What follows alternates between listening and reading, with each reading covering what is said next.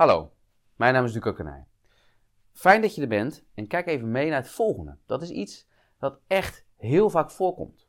Bij meer dan 1 vierde van de Nederlanders komt dit probleem voor en dat zijn nekklachten. Last van je nek. Nou is je nek best wel belangrijk. Hij zit tussen je hoofd en je romp en hij zorgt ervoor dat die bij elkaar horen, vastzitten aan elkaar en ook zich ten opzichte van elkaar kunnen bewegen. Dat bewegen is eigenlijk een van de eerste dingen die je fout ziet gaan. Als mensen nekklachten hebben, zie je vaak dat mensen problemen krijgen met de beweging van hun nek. Dat ze niet meer goed kunnen draaien met name. En natuurlijk ook naar links en naar rechts afbuigen en naar voren en naar achter. Maar met name het draaien gaat fout. Naar links en naar rechts. Iedere dag zien wij mensen die vertellen: Ik kan niet goed meer naar links kijken of niet meer goed naar rechts. Dat is vervelend. En als het dan ook nog eens pijn gaat doen, dan ben je wel onderweg eigenlijk naar je fysiotherapeut. Of je osteopaat, of je chiropractor, of je manueel therapeut. En dan ben je dan ook op zijn plek. Want die mensen kunnen vaak ervoor gaan zorgen dat de beweging weer beter wordt. Maar de pijn, dat behoeft iets extra's. Dat behoeft ook dat je daar iets mee gaat doen. Eerst zoeken waar zit de pijn. En vervolgens zoeken waar zit het dan echt in welke structuur als in wat is daar de oorzaak van, om vervolgens het daar ook te behandelen. Die behandeling die kan niet eendimensionair zijn. Die behandeling moet eigenlijk plaatsvinden op meerdere plaatsen. Ik leg je uit waarom. Je nek, zei ik al, zit tussen je hoofd en je romp. En is een verbindingsstuk. Een heel belangrijk verbindingsstuk. Er zitten een paar dingen in je nek, niet zoveel. Uh, je praat over bot, wervels, gewrichtjes zijn dat eigenlijk spieren, ligamenten, pezen, bloedvaten en zenuwen. En meer zit eigenlijk niet. Neem een mooi stukje huid eroverheen, waardoor het nog wat lijkt. En aan de voorkant heb je ook nog hier je schildklier zitten. Dat alles bij elkaar maakt dat de nek, eh, nou laten we even zeggen, ook kwetsbaar kan zijn. Hij is krachtig, hij is flexibel, hij is tegelijkertijd ook in staat om je hoofd, die toch maar zo'n 5 à 6 kilo weegt, omhoog te houden en te sturen waardoor je met je ogen heel goed alles kan afscannen en zien. Maar als de nek niet goed gaat, wordt dat minder. Die beperking naar links draaien of naar rechts draaien maakt dat je daar minder goed kunt zien. En dat is belangrijk. Nu in de auto, vroeger als je in de, weet ik het wat, de jungle liep om die tijger of die, weet ik het, gevaarlijke krokodil kon zien voordat je gegrepen werd.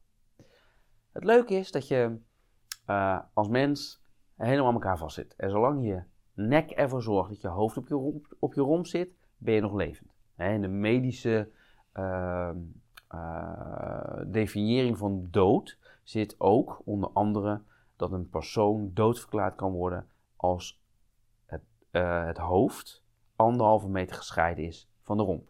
Heel apart zou je denken, maar daar zijn ook allerlei redenen voor. Is je hoofd gescheiden van je romp, ben je dus gewoon dood. Simpel. Maar zolang dat niet zo is, zie je vaak dat alles wat er in de romp zit een directe invloed heeft op de nek. De buik met het buikvlies is een zak waarbinnen al je organen zitten.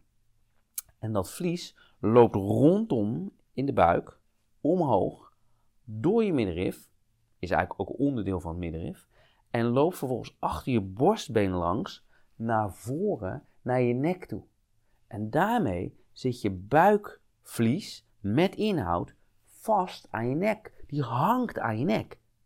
Het moment dat er in de buik iets gebeurt, verandert er ook wat in je nek. Veel nekklachten, bewegingsbeperkingen, hè, niet goed kunnen draaien of kunnen kantelen, maar ook pijn, zijn het gevolg van klachten in de buik. Dat betekent dat als je de nekproblemen wil oplossen, je ook altijd goed moet kijken, wat gebeurt er nou hier? Dat is gewoon een mechanisch geheel. Het ene bolletje zit vast eigenlijk aan het andere bolletje met de nek ertussen. Nou, wie is dan natuurlijk altijd te dupe als daar iets fout gaat? Bolletje, kleine bolletje het hoofd, grote bolletje de buik. Dan gaat iets fout. Dan gaat natuurlijk altijd fout in de nek. Op de wervelkolom ziet de nek als volgt uit, heel simpel. Hij uh, bestaat uit een aantal wervels, nou, we zeggen zeven.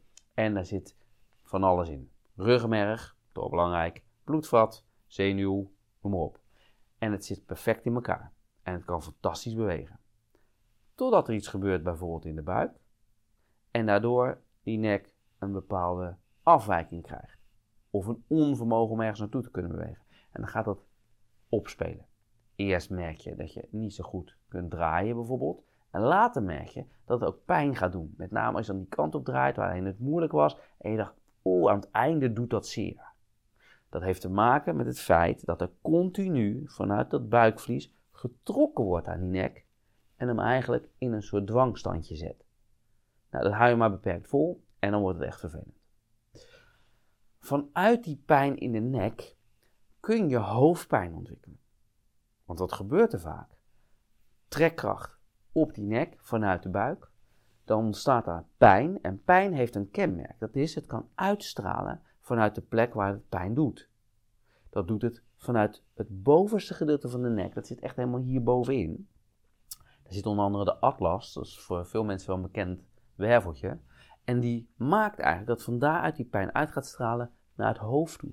Achterhoofd, zijkant, boven tot achter de ogen, zeg maar, in de wenkbrauwen. En dat kan heel vervelend zijn. Nekklachten kunnen leiden tot hoofdpijnklachten. Die zijn dus aan elkaar gerelateerd. Wat je natuurlijk heel vaak ziet, is nek-schouderpijn. Dat is hetzelfde fenomeen, alleen de andere kant op. Dan straalt eigenlijk die pijn uit naar beneden van de nek, hoofd naar de schouders toe. De spieren die hieronder liggen, die eigenlijk ervoor zorgen dat dan op het moment dat het zo gespannen wordt in die nek en pijnlijk, dat je dan de schouders naar de nek toe haalt. Om die spanning eigenlijk een beetje eraf te halen, zijn met name de levator scapulae. En dan noem ik dat even bewust, want veel mensen denken dat het over de trapezius pars descendens gaat. Dus dit is even voor jullie fysio's, en een dingetje. Hé, hey, die is niet zo interessant erin. De, de levator scapulae is de grote spier, die loopt van de, eigenlijk de achterkant van je schedel via je nek naar de punt van je schouderblad. Die trekt je schouders daarmee omhoog en maakt dat mensen dit hebben. En je snapt het ook. Als je nou heel de dag zo zit en je doet dit heel de dag, dan wordt lastig. Dat gaat pijn doen en dat geeft ook beperkingen in je beweging. Het vrijmaken van die spier kun je doen door te drukken op, een, op het triggerpoint wat erbij hoort. En dat zit eigenlijk hier zo. Dan ga je gewoon zoeken, dan kan je bij jezelf. En dan vind je een soort knobbeltje die wat harder is. En dan zet je je vingers op en dat doet zeer. Dat je denkt, vervelend. Maar hou je vol. En dan hou je vol net zo lang totdat zacht wordt. En de pijn steeds doffer en doffer en uiteindelijk weg is. Dat kan je aan twee kanten doen. Op zich wat lastiger, maar kan. Niet zo heel goed. Of je moet even een ander vragen. Ga je rustig liggen. Die ander gaat aan het hoofdeind bij jou zitten. Leg zijn hoofd, je legt je hoofd voor iemand neer. Je ligt op je rug. En die ander zet zijn duimen op die punten. Daar en daar. En duwt door de trapezius heen op het punt waar die levator scapulae aanhecht. De scapulae hecht aan aan de bovenste punt, angulus superior, van je schouderblad. Duwen doet pijn. Ja, dan zeg je au, au, au. Die persoon die is natuurlijk meedogenloos als altijd. En doet dat natuurlijk gewoon en blijft die druk erop houden. Dat is prima. Moet hij vooral doen. En dan gaat langzaam die pijn weg. Dan kunnen die schouders weer zakken. En dan kan die nek weer wat beter gaan bewegen. Gaat de spanning eraf. Maar de echte oplossing zit hem daar. Daar moet gekeken worden welk orgaan is er verantwoordelijk dat die hele zak, dat buikvlies, die kleine, kleine beweging in een bepaalde richting gaat maken en daarmee je nek uiteindelijk vast heeft gezet. Dat zoeken, dat kan niet iedereen. Uh, de osteopaat kan dat heel goed. Wij bij onze methode kunnen dat ook heel erg goed en zijn natuurlijk bereid je daarbij te helpen. Het is overigens geen advertentie, um, want op zich hebben we het uh, best wel druk genoeg. Maar ga dan ergens naartoe waar dat kan. Goede osteopaat, goede therapeut voor onze methode en dan ga je echt aan de oorzaak werken. En je weet hè, die heeft een link met uh, de psyche. Ja, organen doen dat.